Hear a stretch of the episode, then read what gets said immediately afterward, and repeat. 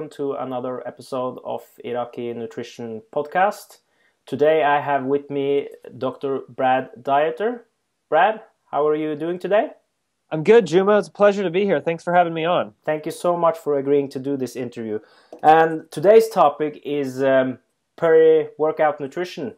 But uh, before we start with the questions, could you just give us a brief introduction and about yourself and your background and what you currently work with?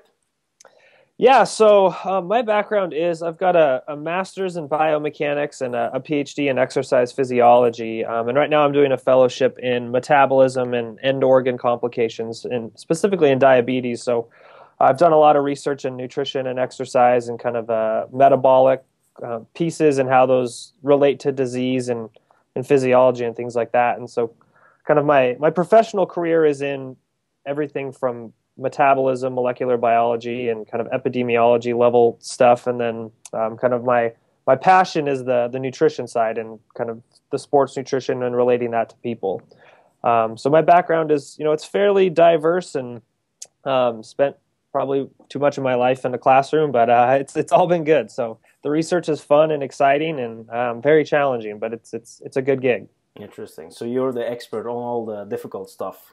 Like, like I, I used to, I, I always tell people this. I used to hate biochemistry until I read uh, James Morton. He has a great book on biochemistry specifically for exercise metabolism. Mm-hmm. And that's when I fell in love with biochemistry because because before that I used to hate biochemistry because I didn't understand anything. But yep.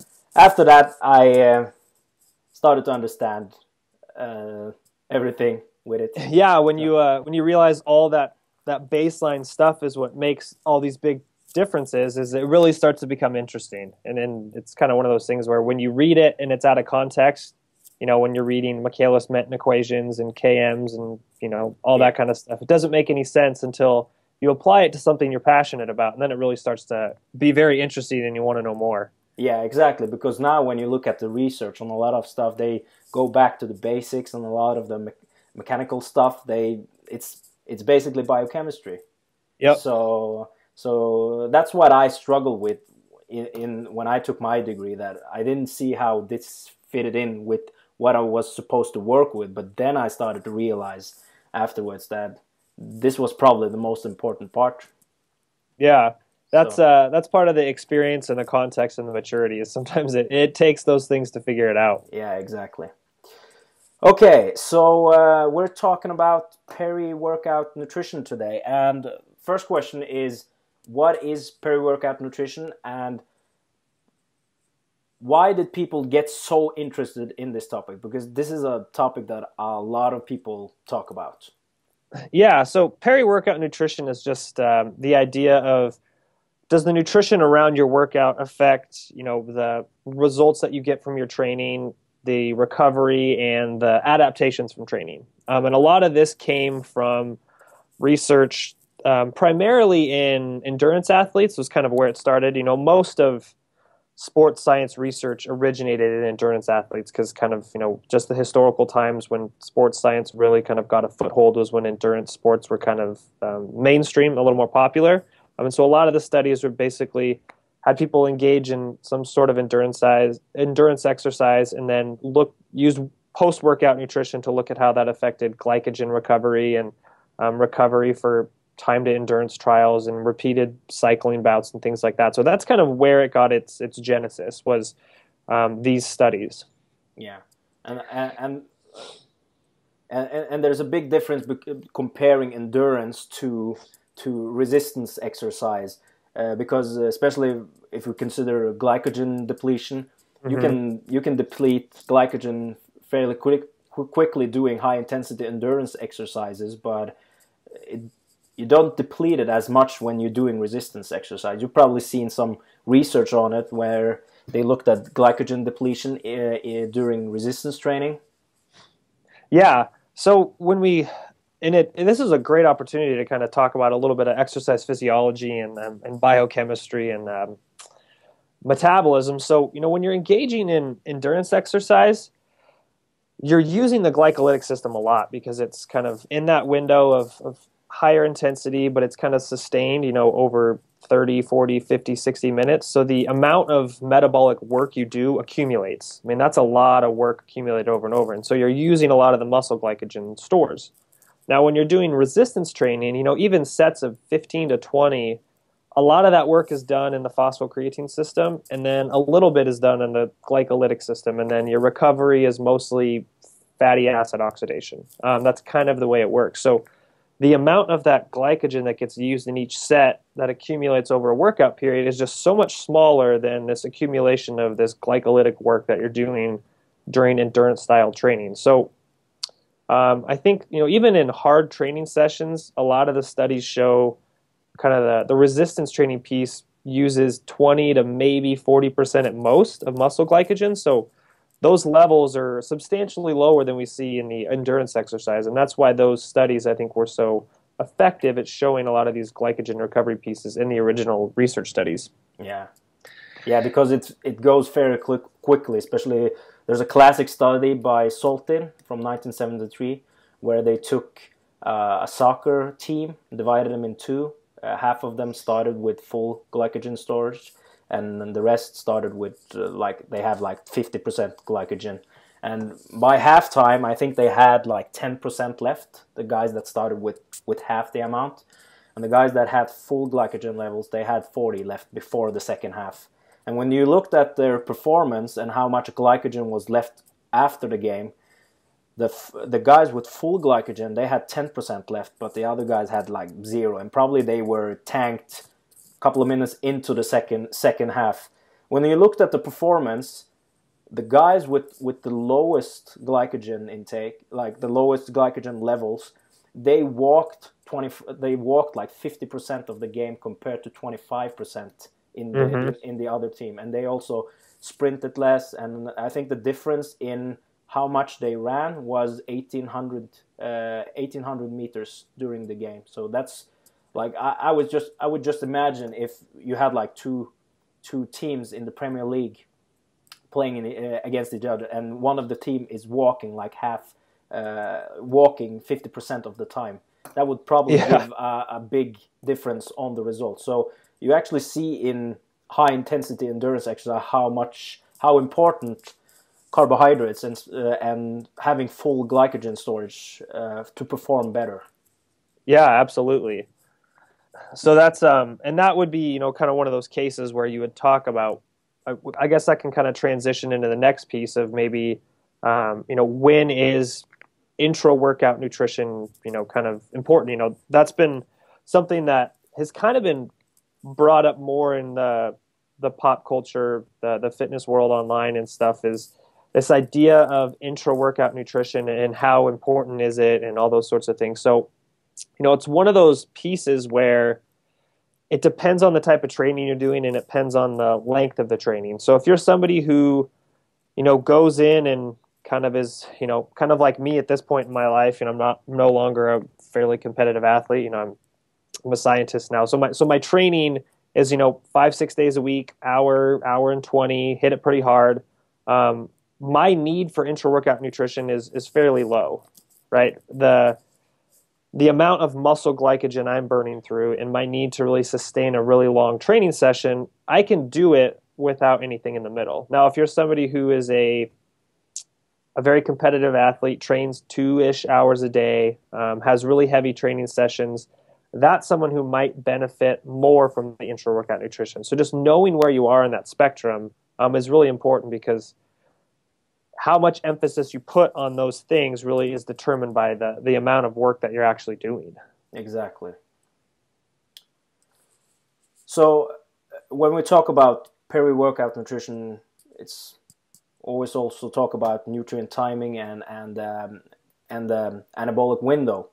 So, uh, how is how important is nutrient timing, and is there actually an anabolic window? Yeah, so um, we were talking about this a little bit before we hit the record button, but um, you know, kind of like anything in, in science and in the world is the, the pendulum always swings from one extreme to the other.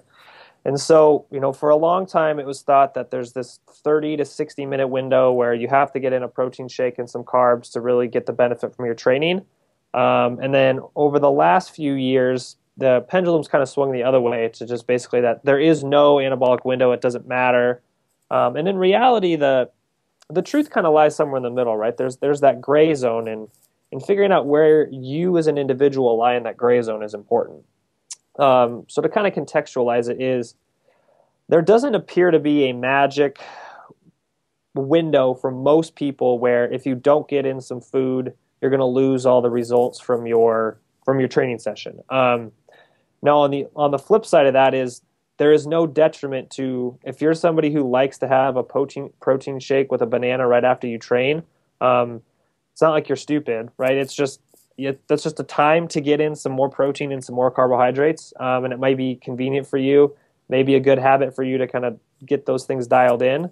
Um, but just know that that window is a lot more flexible. So if you if you train and you have to go to the grocery store and you have to go get your car washed and then you get home and then you eat dinner, you're you're not going to have any major detriment. You know, if you're kind of the average person. Now, there's some ideas that post workout nutrition, um, getting it within you know an hour or so. If you're a highly competitive athlete who's training multiple times a day, um, there may be some small recovery benefits, um, and there may also just be some some habit benefits of you know, you probably should eat something after you work out if you have to train again. And if we can stick it right after you train, it's going to develop these habits. So that's kind of the the context of that that anabolic window and, and trying to find some of the the real world applications of what the data actually shows us.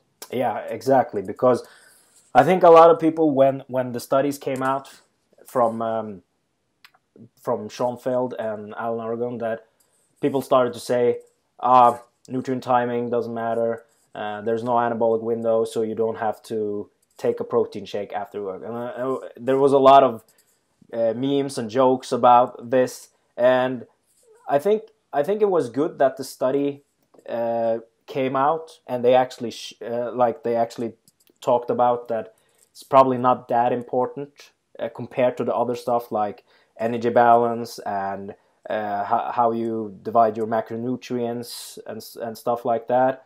But uh, the one thing that I didn't like was when people started to say to people that took a protein shake after their work they that they were stupid, that this was a waste and stuff. And I don't see it as being a waste. Uh, like if you have everything else dialed in, this could be the next piece you can focus on, mm-hmm. especially if you want to maximize your gains.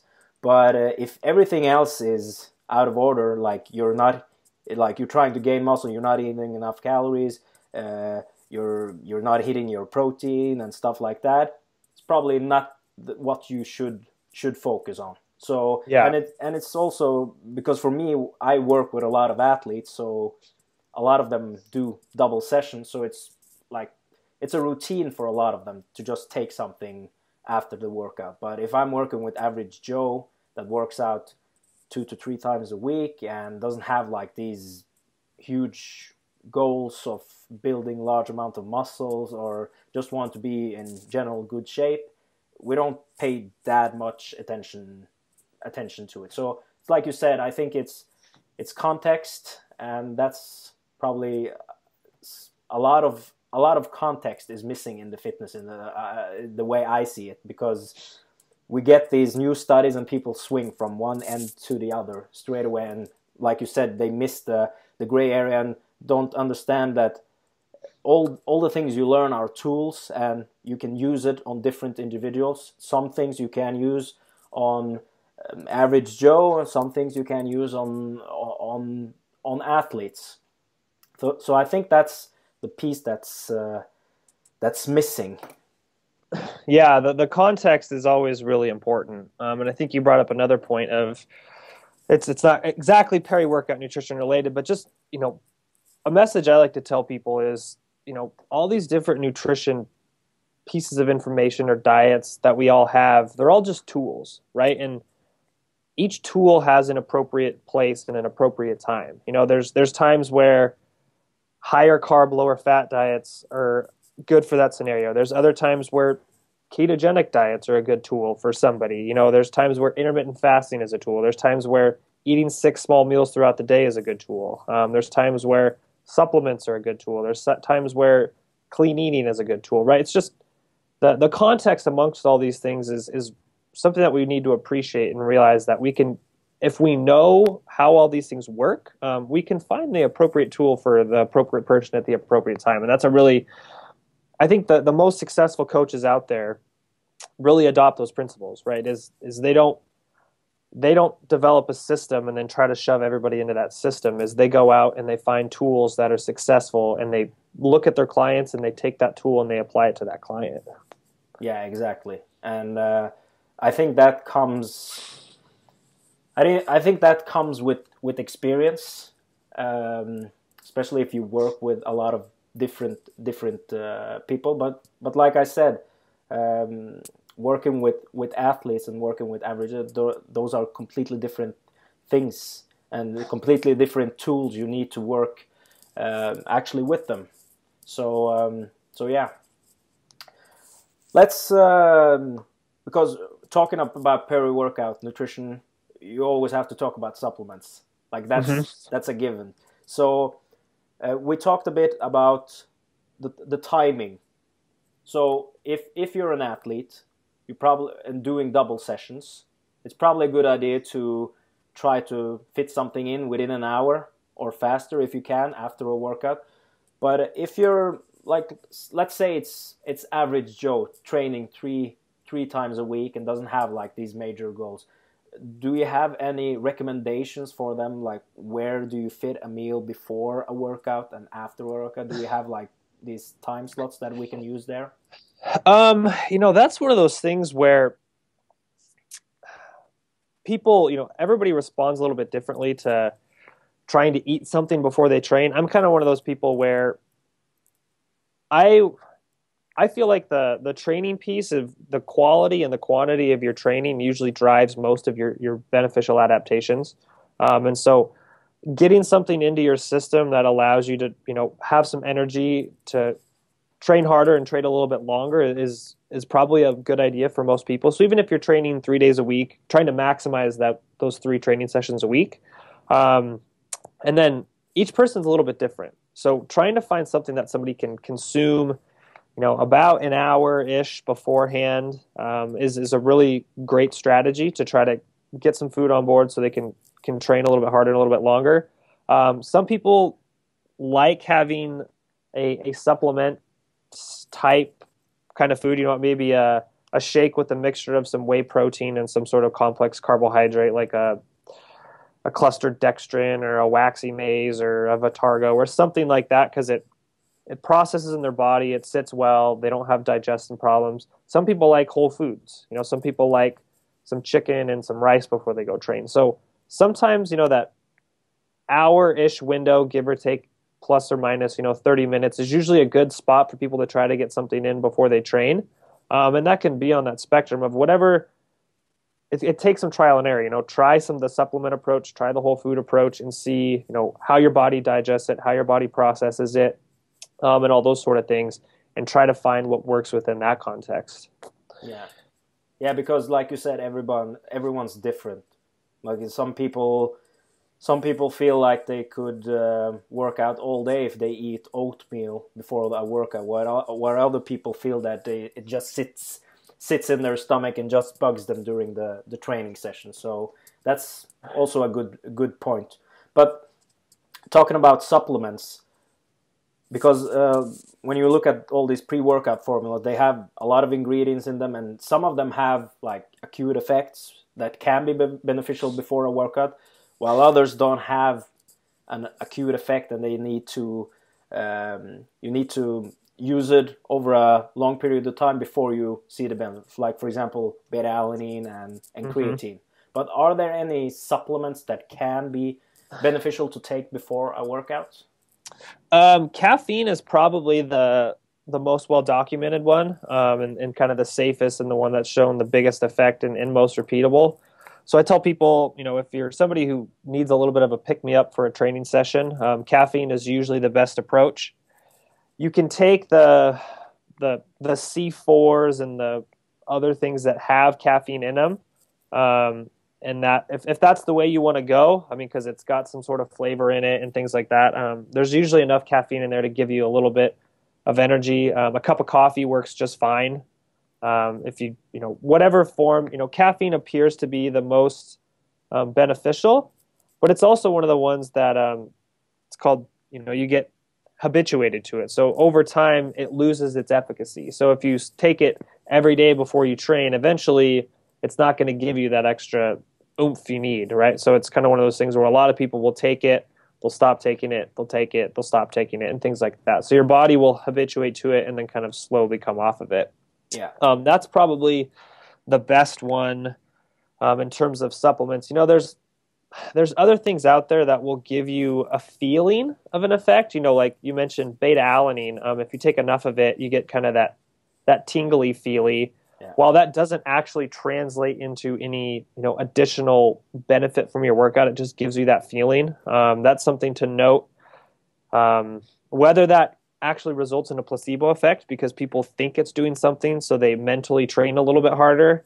I don't know. That's a study I really want to do at some point in my career when I have time. Is you know yeah. give somebody a, a a large amount of beta alanine and see if the placebo effect works because it you know for some people it might. Yeah, yeah. I think, um, I think there's actually one study where they did it with cyclists, uh, where they actually found that the, the, the itching you get from beta alanine it doesn't have any performance benefits effect because that's what athletes think. Like I have a lot of clients that say, oh, I'm taking this pre-workout and I'm started itching right away. And I tell them, okay, it's because of a high dose of beta-alanine, but it doesn't translate into a performance yeah. benefit uh, because beta-alanine needs quite a bit of time to, to build up.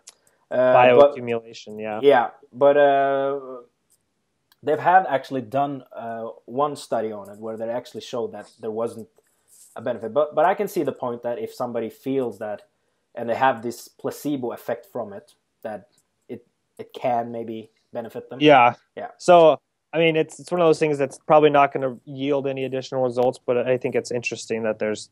I think that's kind of the key piece of a lot of these pre-workout supplements. You know, beta alanine gives you an itchy feeling. Things like um, vasodilators, so things kind of like the NO-Xplode supplements, due to the L-arginine. Um, L-arginine, when you look at it, the studies either show it doesn't increase, you know, oxygen delivery or blood flow. Um, some show a small increase, but then that doesn't actually result in any additional, you know, performance benefits. Yeah. So a lot of these pre-workout supplements actually just work by marketing and sometimes some products that go in there to give you some sort of feeling that makes you think it's working, but it's actually not. Yeah. Um, so I think that's a that's a key piece for people to note. Yeah, is yeah. high dose of caffeine and high dose of beta alanine, which yeah. are which are cheap ingredients will give you the feeling. So I actually tell people that it's if you want to use a pre-workout, try to find one that's that's right dosed, like they have high enough amounts that there will be a benefit from it with with the beta alanine and with the caffeine, or just buy the ingredients for yourself and and and stack them yourself. Then you can tailor it to to whatever needs you have, because in like my recommendation for supplements are like the basic. It's it's creatine, caffeine, beta alanine, uh, whey protein, vitamin D, multivitamin, omega threes. Uh, but there's been some research recently on on citrulline.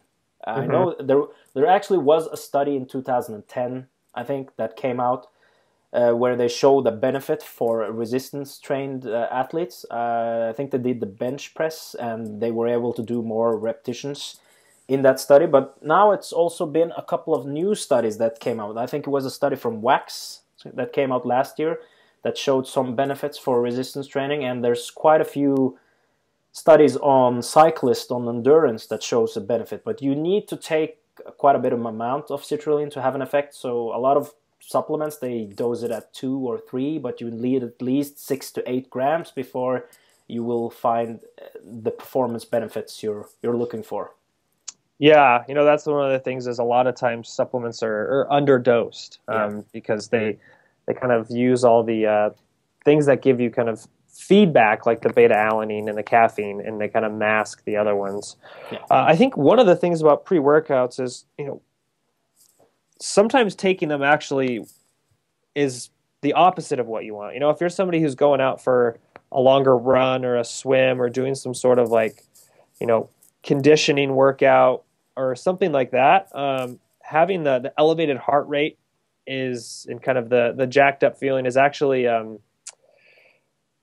not beneficial. It's actually detrimental, right? Because the whole goal of those workouts is how can I produce as much work as I can without getting my heart rate up because I want to keep you know oxygen consumption down and things like that. And um, if if you're taking a bunch of caffeine and you're you're taking a bunch of stuff like that, and then you're going into a workout, well, you're not going to be able to control your heart rate and your performance. So, you know, people who are like CrossFit athletes and other athletes, where you know, kind of controlling your performance over time, you know, taking a pre-workout is actually going to be detrimental and something you really should should think about before you just start slamming them back. Yeah, and it was great that you mentioned this with with the caffeine that if you use it a lot and over time it loses loses uh, loses it, uh, its effect. Uh, because a lot of people if you drink a lot of coffee for example you will probably not have the beneficial effects from caffeine if you drink uh, caffeinated uh, coffee every day so what what I do with with a lot of athletes is that we usually have like training programs are usually um, overreaching phase and we have different phases. So when we taper, when we have a, a deload, uh, which is every every we, we do deloads quite frequently, like every 14 days or something like that. We cut out the caffeine during the deload, so it's uh, that's that's easy to remember as well. That when you deload, just take caffeine out.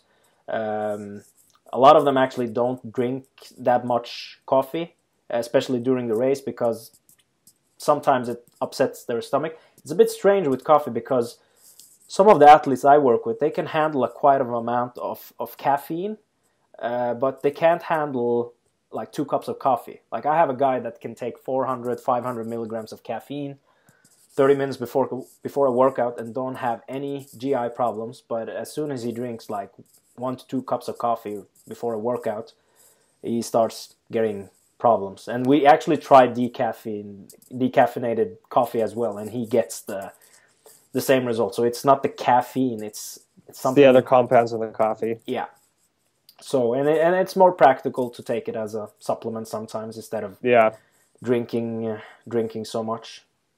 Okay, so so for pre-workout, caffeine, it's is cheap and a good good way to go. Yeah, yeah. that that's probably the uh, the best one you can use um, in terms of actual translating to performance. So that's probably the only one that's well enough substantiated that you could be confident that it'll work. Yeah, yeah, interesting.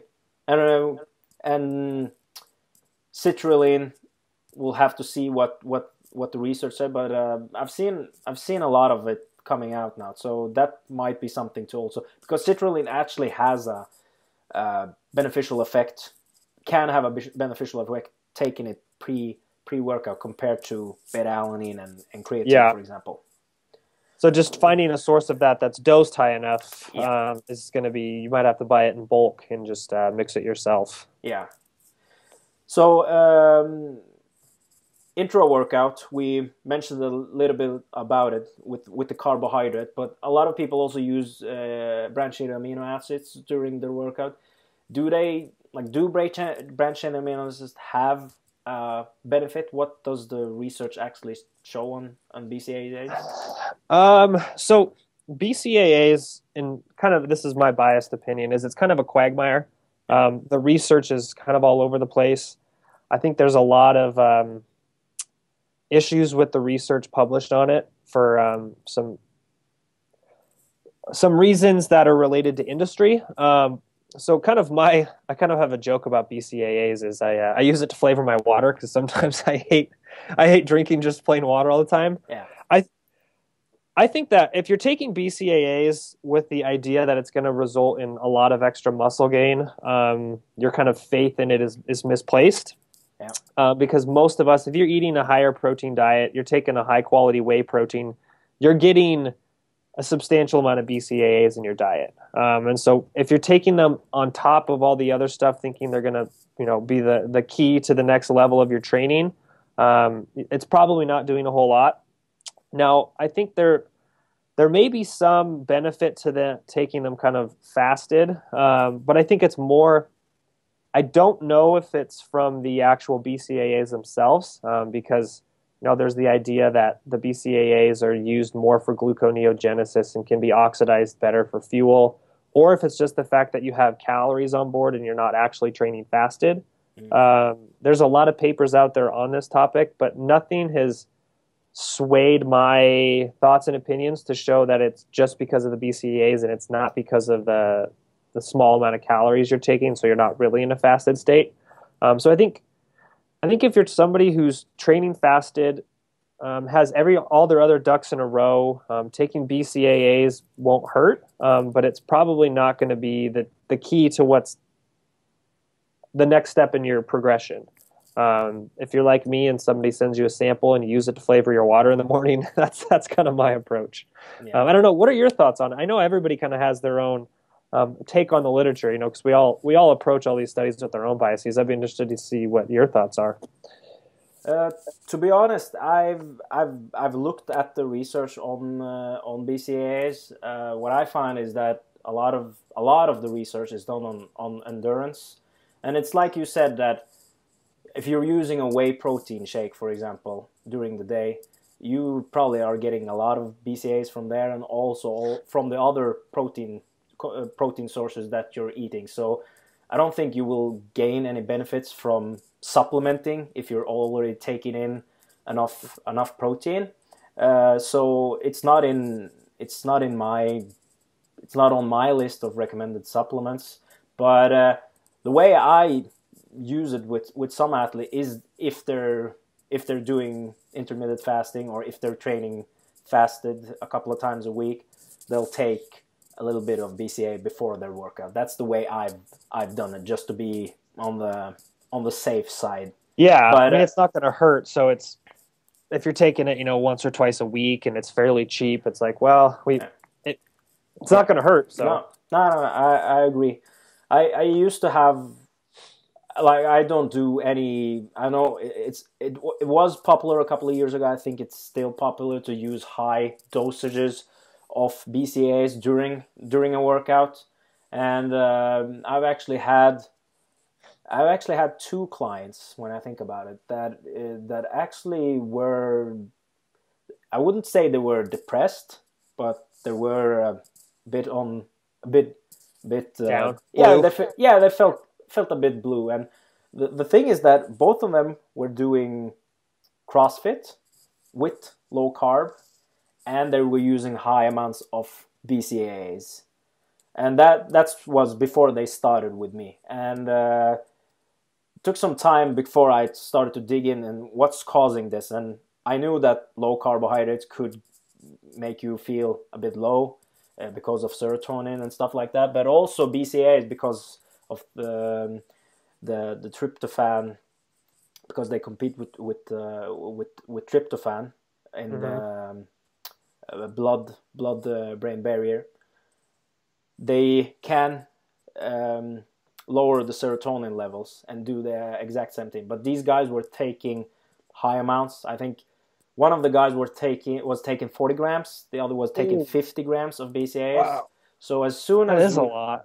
Yeah, because we tr- I I tried I tried increasing the carbohydrates first to see if it would have any beneficial effects to them and it did get better, but it wasn't wasn't quite there yet. So it's first when we started to to remove the BCAAs, lower the dosages, that that we saw an improvement. So we, we stuck to.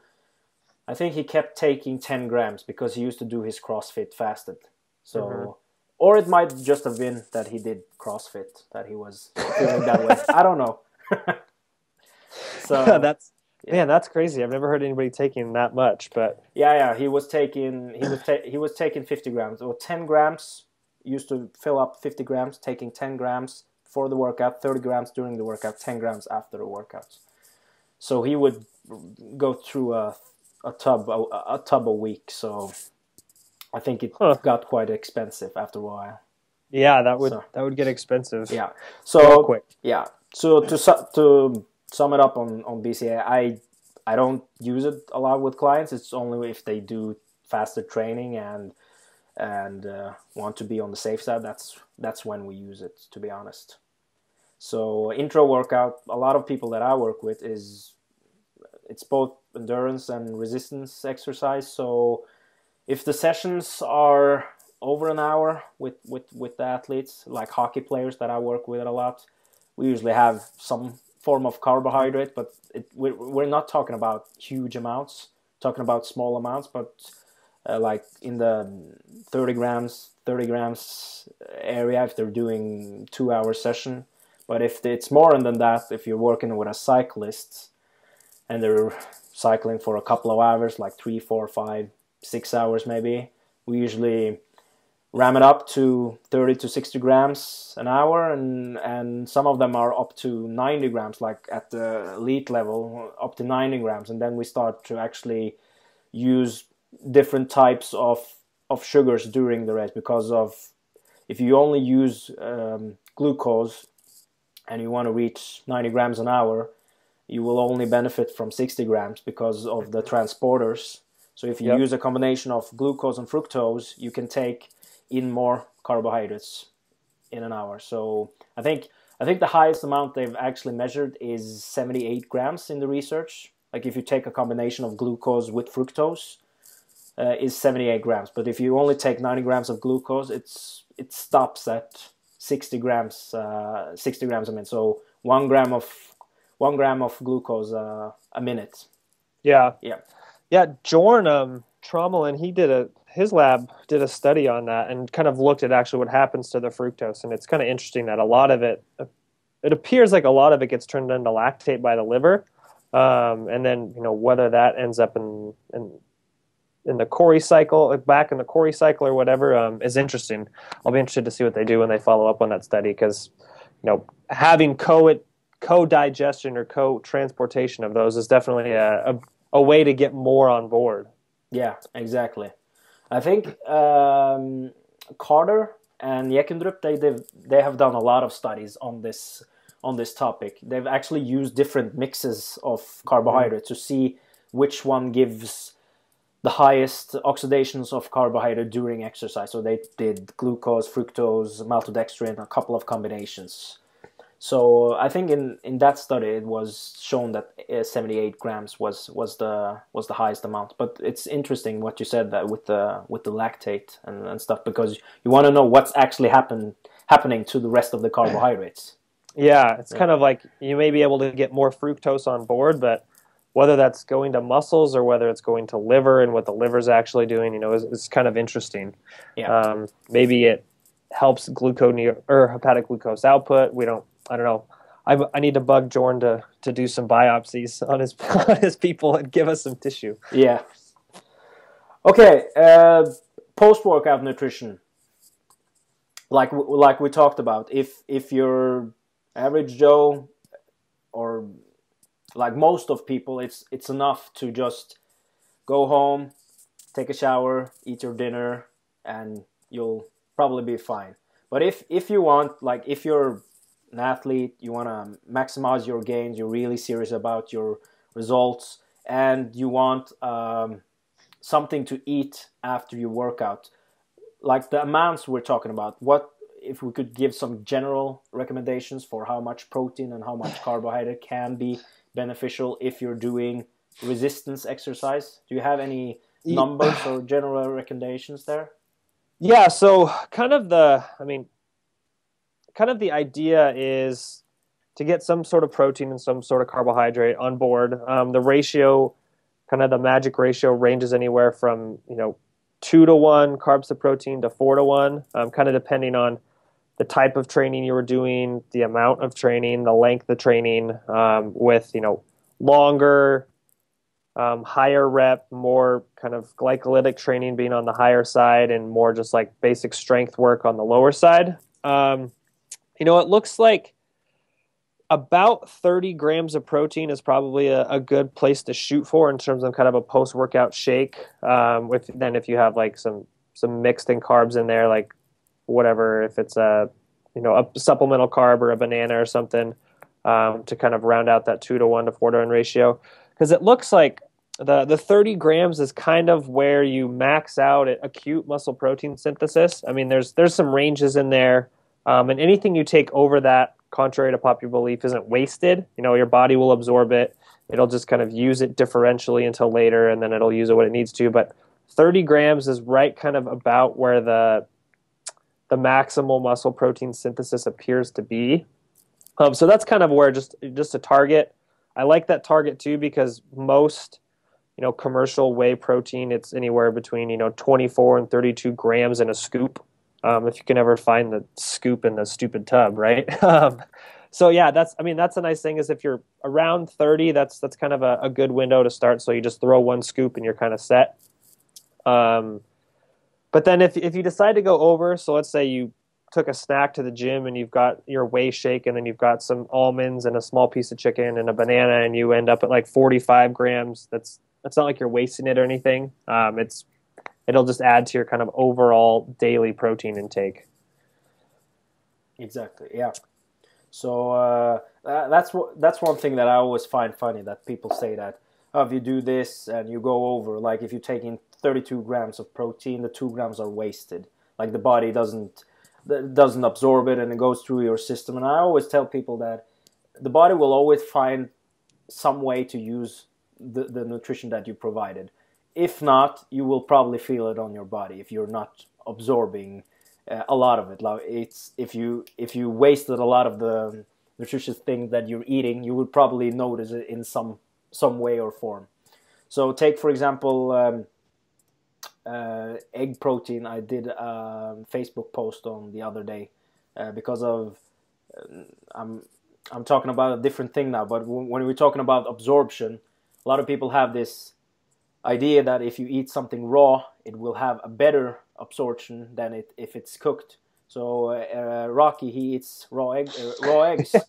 And they actually did a study where they compared how much you absorb if you eat the raw eggs compared to if it's uh, it's uh, it's cooked or, or staked or something like that. And it was a huge difference there. It was a two, 92% absorption if you um, if you cook the eggs, and it was right around 50% if you mm. took it in raw. And they did this study. It was actually a study where they looked at a new technique to look at absorption of of foods, and they did it on um, ileostomy patients so oh, okay. yeah, so the, I think it was five patients there where they did it. So the technique verified the the the technique that we were supposed to be using. Huh. So a lot of people say that eggs are 100% absorbed, but not in that study. They actually show that it was a bit bit less. Yeah, and you know there's a lot of foods that are absorbed better when you cook them. Um, yeah. A lot of you know a lot of vitamins and minerals and things like that, um, especially from plant foods and stuff, are absorbed. Yeah. Better when you cook them. Others are better when it's raw. So it's kind of you know there's there's no you shouldn't eat all your food raw and you shouldn't eat all your food cooked. It's kind of there's a a balance there. Variation is always good. Yeah, variation is always good. Yeah. Okay, Brad. So let's uh, let's wrap it up with with with the final question. Uh, what's your practical recommendations for peri-workout nutrition, like pre-workout, intra workout, post-workout? And now we're yeah, talking about now we're talking about resistance training, just to just to narrow it down to one different topic. Um, I think for me, the biggest thing is find something that you can make a habit and be consistent. Um, for all of us, consistency really is key for making progress. Um, and so if you're somebody who really feels like post workout nutrition is, is good for you, um, just do that so you're consistent. I find, in my experience, most people benefit more from the pre workout nutrition. Um, a lot of people, I think, will get better performance and better adaptations if they do a good job in a pre workout, um, especially for most of us who are just trying to train in really busy lives. You know, I know for me, some days I have to go like right after work and I eat lunch at noon. And then if I go and I work out at six o'clock at night, I haven't eaten anything for six hours and my training is just garbage. So um, for a lot of us, if I had to pick pre workout or post workout, I'd probably pick pre workout. Um, lets you train harder, lets you train longer, lets you be a little more focused. You're not worried about being hungry.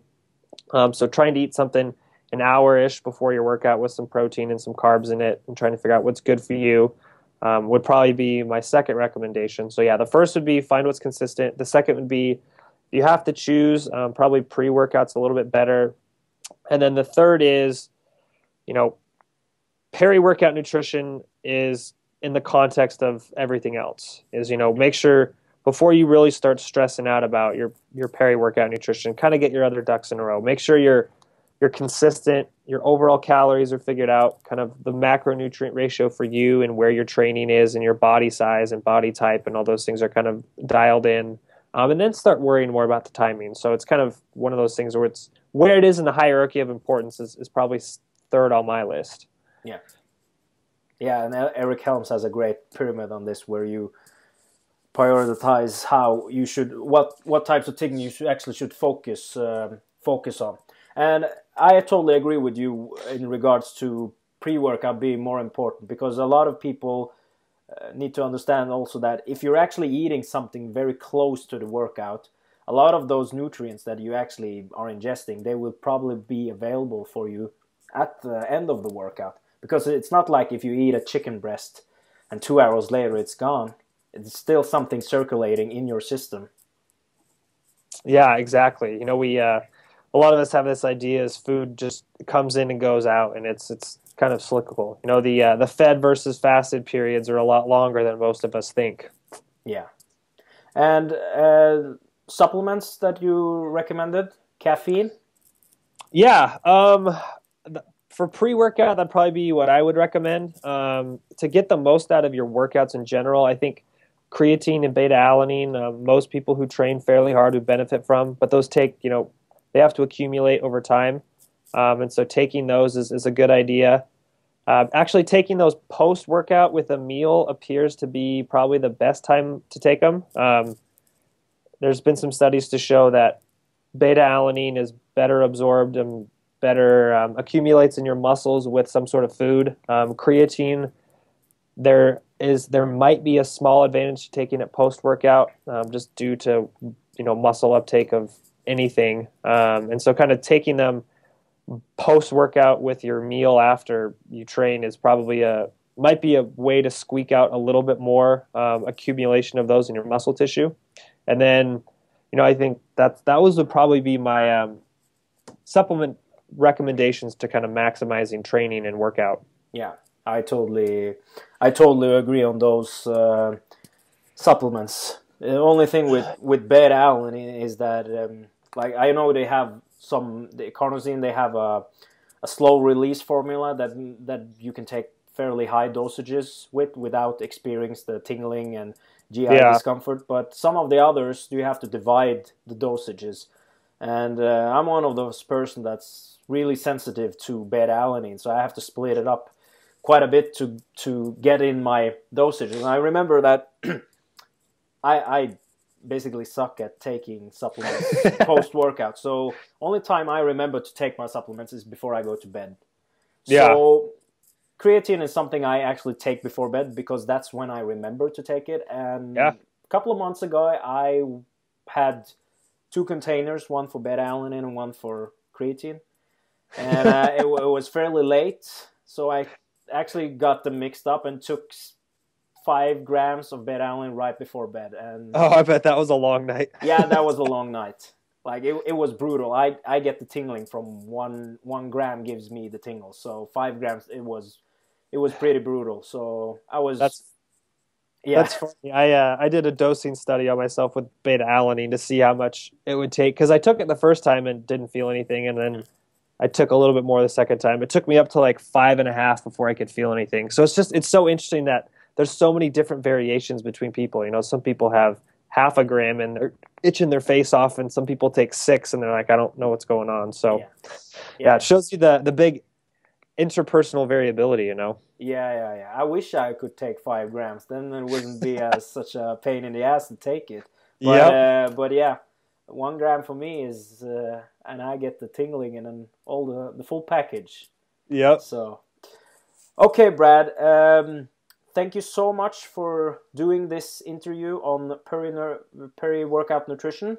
I know you have a great site that you write many great articles on. Could you please tell us a bit about that site? Yeah, it's um, it's sciencedrivennutrition.com. So it's uh, it's it's a content site. We put out a lot of articles. Um, we're starting to do more video series, and we have a, a, monthly journal that people can subscribe to if they're interested. Um, it's kind of just you know more in-depth content where we really kind of drill down into the more sciencey side. So the the website um, has a lot of great science-driven content. Um, the journal is a little bit more in-depth for people who kind of need to get a little bit deeper. Um, and it's yeah, it's been a fun project so far, and it's um, it's gotten a lot of good feedback, and um, we're growing fairly quickly. So it's uh, it's been fun. Excellent. I'll put uh, this this um, link to the website in the description. And, Fabulous. And um, once again, thank you so much for agreeing to do this interview, and uh, hope we can do another topic sometime. Yeah, absolutely. It was an honor. It was. Uh, I've been a big fan of your work, so it's great to finally get on and chat with you. Thank you so much. Okay, Brad. Have a nice day, and we'll uh, hopefully speak soon. Absolutely. Take care. Okay, you too. Bye bye.